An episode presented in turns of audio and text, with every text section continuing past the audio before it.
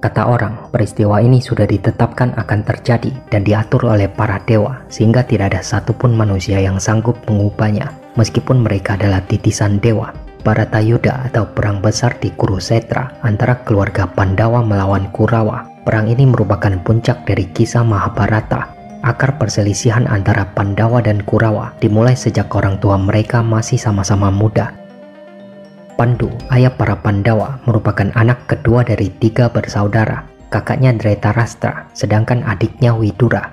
Ketiganya merupakan putra dari Abhyasa. Mereka semua terlahir tidak sempurna, namun masing-masing mempunyai keunggulan. Dretarastra terlahir buta, tapi ia sangat sakti. Begitu juga dengan Pandu yang mempunyai cacat di leher, namun sangat pandai memanah. Ia juga berdarah putih, sehingga terhindar dari segala serangan jahat. Sedangkan Widura memiliki cacat di kaki, tapi ia menguasai ilmu ketatanegaraan. Setelah dewasa, Pandu mengikuti sayembara di negeri Mandura yang diikuti oleh banyak kesatria, bangsawan dan para raja dari berbagai negara.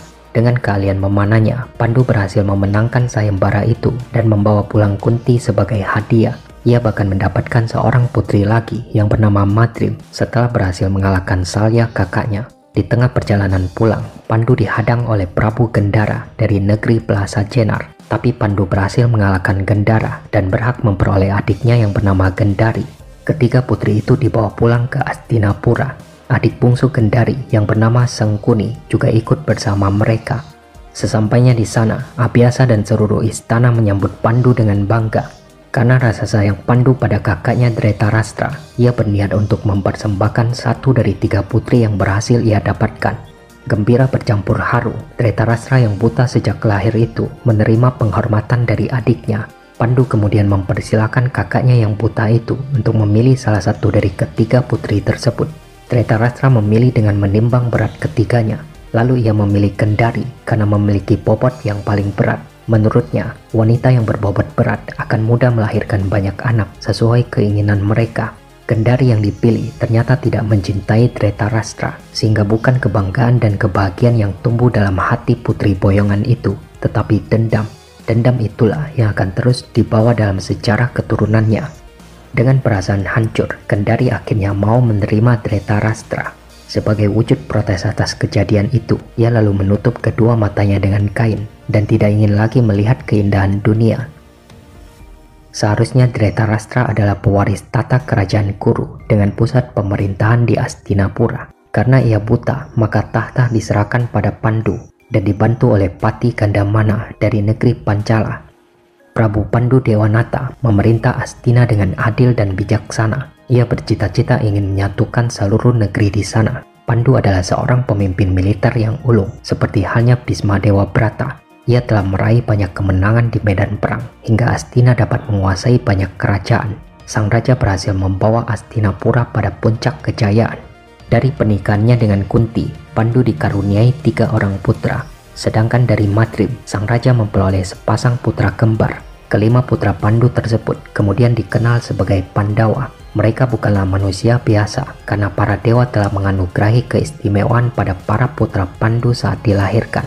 Itu karena Kunti mempergunakan Aji Aditya Hardaya, pemberian Resi Durwasa, demi membantu proses kelahiran putra-putranya. Dengan kekuatan mantra suci tersebut, Kunti memanggil Raja para dewa, yaitu Batara Guru, dan memohon padanya agar berkenan memberikan karunia atas keturunannya Batara Guru mengabulkan permintaan Kunti dan lalu mengirim tiga dewa untuk mendampingi proses kelahiran putra-putranya sekaligus melimpahkan berkat pada mereka. Ketiga dewa itu adalah Dewa Dharma, Dewa Bayu, dan Dewa Indra. Saat Kunti melahirkan putra pertama Pandu, Dewa Dharma, sang dewa kebijaksanaan, datang untuk memberkati bayi tersebut. Atas karunia sang dewa, bayi itu terlahir dengan keistimewaan, yakni berdarah putih, sebagai tanda bahwa raga bayi itu telah disucikan untuk selama-lamanya. Bila bayi tersebut sampai pada masa dewasanya, ia akan tetap dalam keadaan suci dan bersih dari segala dosa dan akan menjadi seorang manusia yang arif bijaksana. Bayi tersebut kemudian diberi nama Yudhistira. Kunti kemudian melahirkan anak kedua yaitu Bima. Bima terlahir dengan membawa keistimewaan yang dikaruniai oleh Dewa Bayu, sang penguasa angin. dan putra ketiga yang terlahir dengan nama Arjuna mendapat limpahan berkat dari Dewa Indra, sang dewa perang, dewa cuaca dan petir, sekaligus Raja Kayangan yang menjadi pemimpin para dewa. Kunti dalam kisah Mahabharata adalah putri angkat Prabu Kunti Boja dari negeri Mandura. Ia adalah saudari Basudewa yang merupakan ayah dari Baladewa, Kresna dan Subadra. Ayah Kunti sebenarnya adalah Raja Surasena dari Wangsa Yadawa dan saat bayi ia diberi nama Prita. Kemudian ia diadopsi oleh Raja Kunti Poja yang tidak memiliki anak dan semenjak itu namanya menjadi Kunti. Prita atau Kunti terkenal karena kecantikan dan kebajikannya.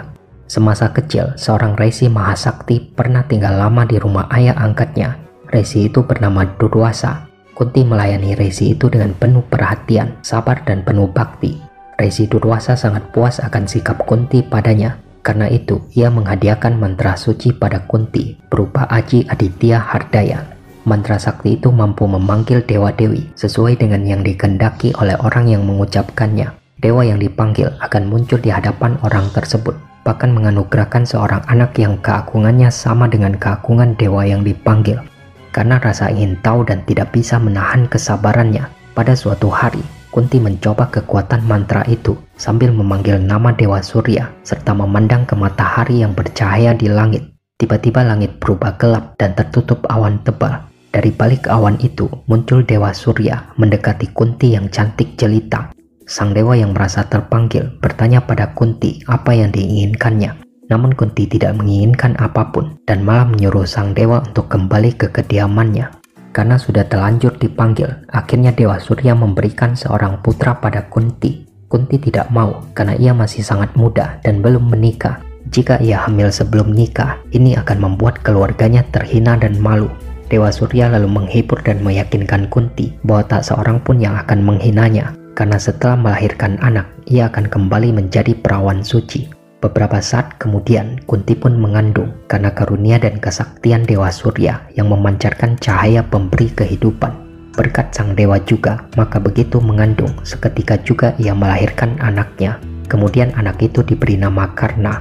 Karna lahir lengkap dengan pakaian dan senjata perang yang suci, serta hiasan telinga dan kalung yang indah berkilau seperti matahari.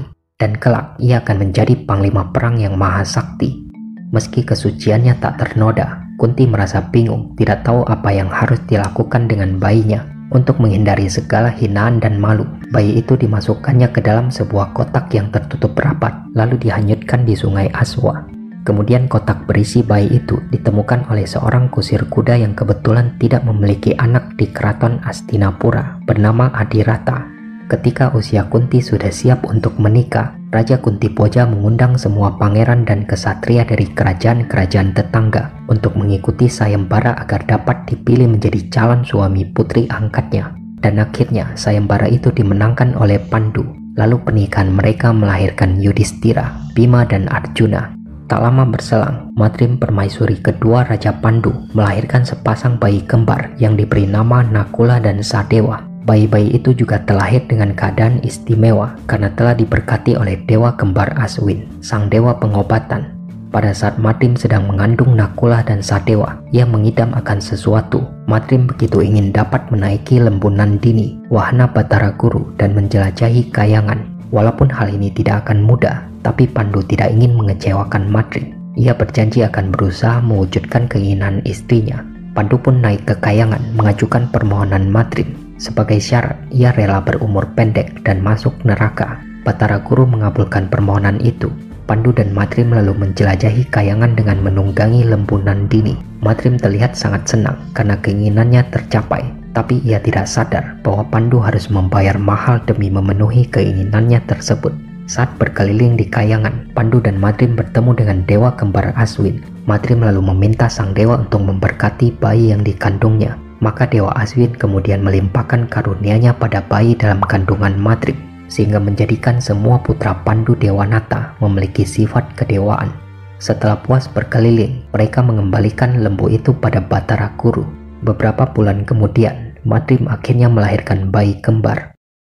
Sementara itu, Gendari, istri dari Tetrarastra, merasa iri melihat Kunti telah melahirkan Yudhistira. Ia lalu berdoa pada dewa agar dirinya segera dikaruniai keturunan. Dan ia berharap bisa memiliki banyak anak. Namun para dewa tak kunjung mengabulkan permohonan Gendari. Bahkan setelah Kunti melahirkan Bima, Gendari belum juga menampakkan tanda-tanda kehamilan. Merasa marah dan kecewa, Gendari dengan ditemani adiknya Sengkuni kemudian melakukan ritual pemujaan pada Batari Durga, penguasa alam setra ganda mayit, alam yang berbau kematian. Batari Durga mendengarkan keluh kesah Gendari dan akan mengabulkan permohonannya. Tak lama lagi Kendari akan melahirkan 100 orang anak. Masing-masing dari mereka akan menerima berkah dari alam ganda mayat. Kendari sangat senang karena doanya dikabulkan oleh Batari Durga. Rasa iri hati dan kecewa telah membuatnya gelap mata hingga memilih untuk berpaling ke sisi gelap kayangan. Walaupun ia sendiri agak ragu bagaimana bisa melahirkan 100 orang anak nanti.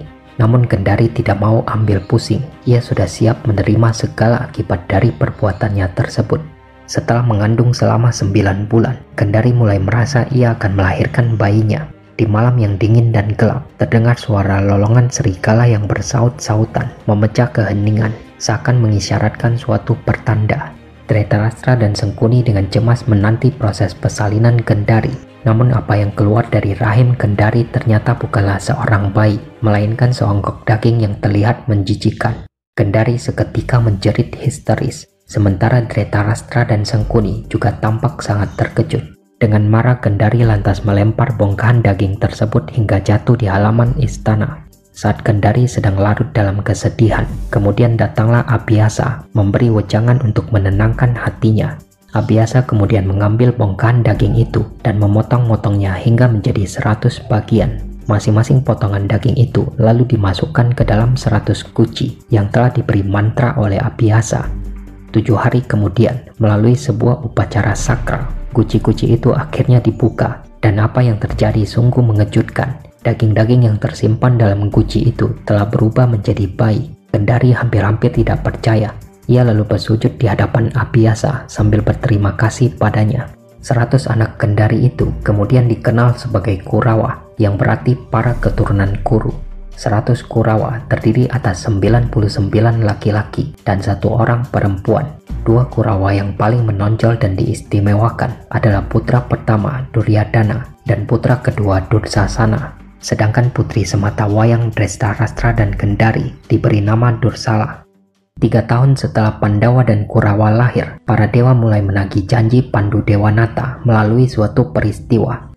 Di sebuah hutan bernama Pringgadani, berdiri kerajaan para raksasa yang dipimpin oleh Prabu Tremboko. Sudah sejak lama kerajaan Pringgadani masuk dalam wilayah kekuasaan Astinapura. Dahulu kala para raja Astina telah membantu para raksasa Pringgadani dalam mendirikan suatu kerajaan di tengah hutan. Sebagai balas budi, maka Pringgadani menyatakan tunduk pada kekuasaan Astinapura. Hingga saat kekuasaan Pandu, persahabatan antara Astinapura dan Pringgadani masih terjalin dengan erat Raja Tremboko sendiri adalah teman lama Pandu Dewanata.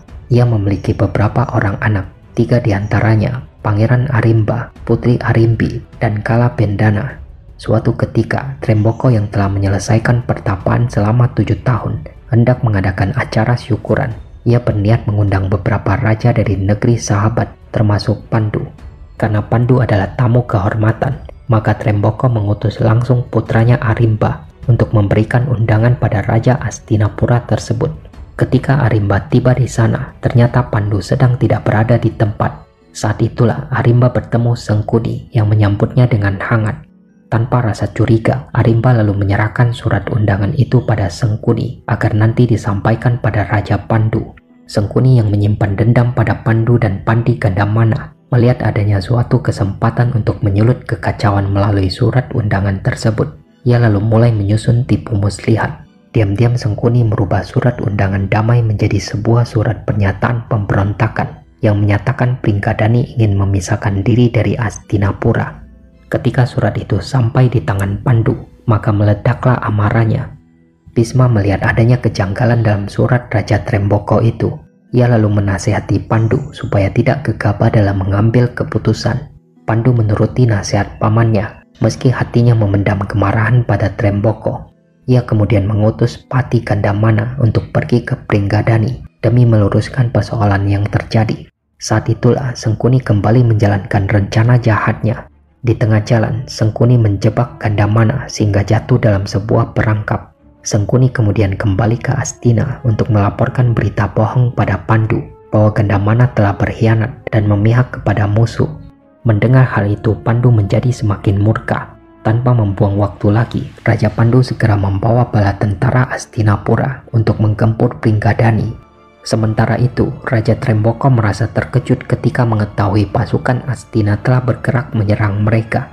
Di saat situasi memanas, Sengkuni diam-diam menyelinap untuk menemui Raja Tremboko. Hal ini dilakukan untuk memanas-manasi Tremboko, lagi-lagi dengan perkataan dustanya. Siasat adu domba yang dilancarkan oleh Sengkuni berhasil Raja Tremboko terpancing dan memerintahkan para prajurit Pringgadani untuk bersiap siaga menghadapi serangan Astina hingga akhirnya berkobalah peperangan hebat antara Astinapura dan Pringgadani yang dikenal sebagai Perang Pamoksa. Kedua raja yang bertikai kini saling berhadapan dan terlibat dalam perang tanding sengit. Keduanya memang sama-sama memiliki ilmu kesaktian yang setara, namun pada akhirnya Pandu berhasil menancapkan panahnya pada Prabu Tremboko Meski terluka parah, Tremboko tidak langsung mati, malah ia sempat melukai paha Pandu dengan keris kala nada miliknya. Pandu mengerang kesakitan dan merasakan kakinya seperti terbakar. Di saat-saat penentuan itulah, Pandu mengeluarkan keris pusaka pulang geni untuk menghujam tubuh Tremboko, sehingga raksasa perkasa itu tak mampu lagi bertahan dan akhirnya ia pun tewas. Kemenangan Pandu disambut dengan gembira oleh para prajurit Astina setelah rajanya tewas, maka pasukan Pringgadani pun menyerah. Sengkuni yang selama peperangan berlangsung hanya berlindung di dalam tenda, tiba-tiba langsung berkoar-koar. Ia mengusulkan agar para pengikut Tremboko dihukum mati dan menyarankan Raja Pandu untuk menempatkan pasukan Astina di Pringgadani. Widura yang melihat Pandu sedang dalam kondisi kesakitan segera angkat bicara, bertentangan dengan apa yang diserukan Sengkuni Widura memutuskan untuk mengampuni para pengikut Tremboko dan segera pulang ke Astinapura. Dengan demikian, berakhirlah tragedi Perang Pamoksa yang membawa kerugian besar di kedua belah pihak. Sengkuni sendiri merasa puas karena telah berhasil menjalankan siasat adu domba hingga menyebabkan meletusnya Perang Pamoksa. Dan kini Raja Pandu jatuh sakit. Jika sang raja wafat, maka itu tentu akan menjadi keuntungan besar baginya Sengkuni yakin bahwa Bisma Dewa Prata akan menunjuk Restra-Rastra sebagai Raja Astina. Itu akan memudahkan jalannya untuk menguasai jabatan Mahapati. Apalagi sebelumnya, ia juga telah berhasil melenyapkan Gandamana. Keadaan Pandu Dewanata semakin memburuk. Luka di pahanya akibat terkena keris kalanada milik Prabu Tremboko tak kunjung dapat disembuhkan. Pandu kembali teringat akan janji yang diucapkannya. Ia pun akhirnya sadar bahwa ajalnya telah dekat dengan hati ikhlas, Pandu menerima takdirnya, dan ia telah siap jika sewaktu-waktu ajal menjemputnya. Tak lama berselang, Raja Pandu Dewanata akhirnya menghembuskan napas terakhir. Seluruh penghuni istana berduka. Kunti dan Madrim tampak sangat terpukul dengan kepergian sang raja yang begitu cepat. Kematian Pandu sungguh merupakan kehilangan besar bagi Astinapura. Sepeninggal Pandu, Bisma kemudian mengangkat Dretarastra sebagai Raja Astina namun jabatan itu hanya sementara. Tahta Astina akan dikembalikan pada keturunan Pandu, yakni Yudhistira, jika ia nanti telah dewasa. Pada saat upacara penobatan Raja Dretarastra sedang berlangsung, tiba-tiba datang seorang laki-laki yang tampak marah. Semua terkejut ketika mengetahui siapa laki-laki bertubuh kekar itu. Ternyata dia adalah Pati Gandamana. Lalu dengan lantang Gandamana mencaci maki Sengkuni dan membeberkan kebobrokannya pada semua orang. Manusia jahat ini telah menjebaknya sehingga ia terjerumus ke dalam perangkap. Namun Dewata telah menunjukkan keadilannya melalui seorang raksasa bernama Kala Pendana. Dia yang telah menolong Gandamana dan melepaskannya dari belenggu. Gandamana juga bertemu Arimba yang sedang berduka atas kematian ayahnya. Arimba berkata bahwa ayahnya tidak pernah sekalipun berniat untuk memberontak Sengkunilah dalang dibalik semua itu. Sengkuni yang merasa ketakutan mencoba membela diri dengan mengatakan itu adalah fitnah dan Gandamana tidak bisa menuduh seseorang tanpa bukti yang kuat. Gandamana yang sudah gelap mata kemudian langsung menyeret Sengkuni dan menghajarnya habis-habisan hingga babak belur. Meski tindakannya di luar batas, namun tidak ada seorang pun yang mencoba menghentikan Gandamana termasuk Bisma Akibat penganiayaan itu, wajah Sengkuni yang dulunya tampan kini menjadi hancur tak karuan. Sementara Dretarastra dan Gendari karena keterbatasan penglihatan tidak dapat mengetahui dengan jelas apa yang terjadi. Mendengar Sengkuni menjerit kesakitan, maka Dretarastra segera memerintahkan Gandamana untuk melepaskan adik iparnya. Gendari yang tidak terima adiknya diperlakukan seperti itu, kemudian meminta agar Dretarastra menghukum Gandamana yang telah main hakim sendiri. Karena tidak mempunyai cukup bukti untuk mengungkap kejahatan Sengkuni, maka Gandamana yang dianggap bersalah. Ia dicopot jabatannya sebagai pati dan diusir Dretarastra dari kerajaan Astina sebagai hukuman atas perbuatannya.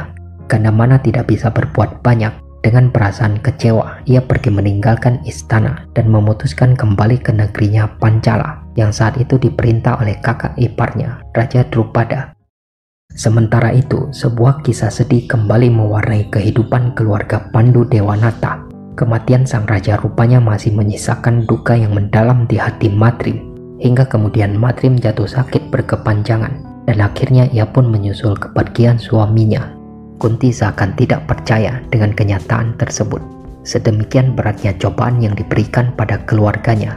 Kini tugas terpenting bagi Kunti adalah mengasuh kelima Pandawa dengan baik. Apalagi Yudhistira menyandang status sebagai putra mahkota Astinapura. Pengakuan Gandamana membuat Kunti sadar bahwa mereka akan menghadapi hari-hari yang penuh rintangan dan cobaan. Namun Kunti percaya bahwa para Pandawa akan mampu melewati semua itu.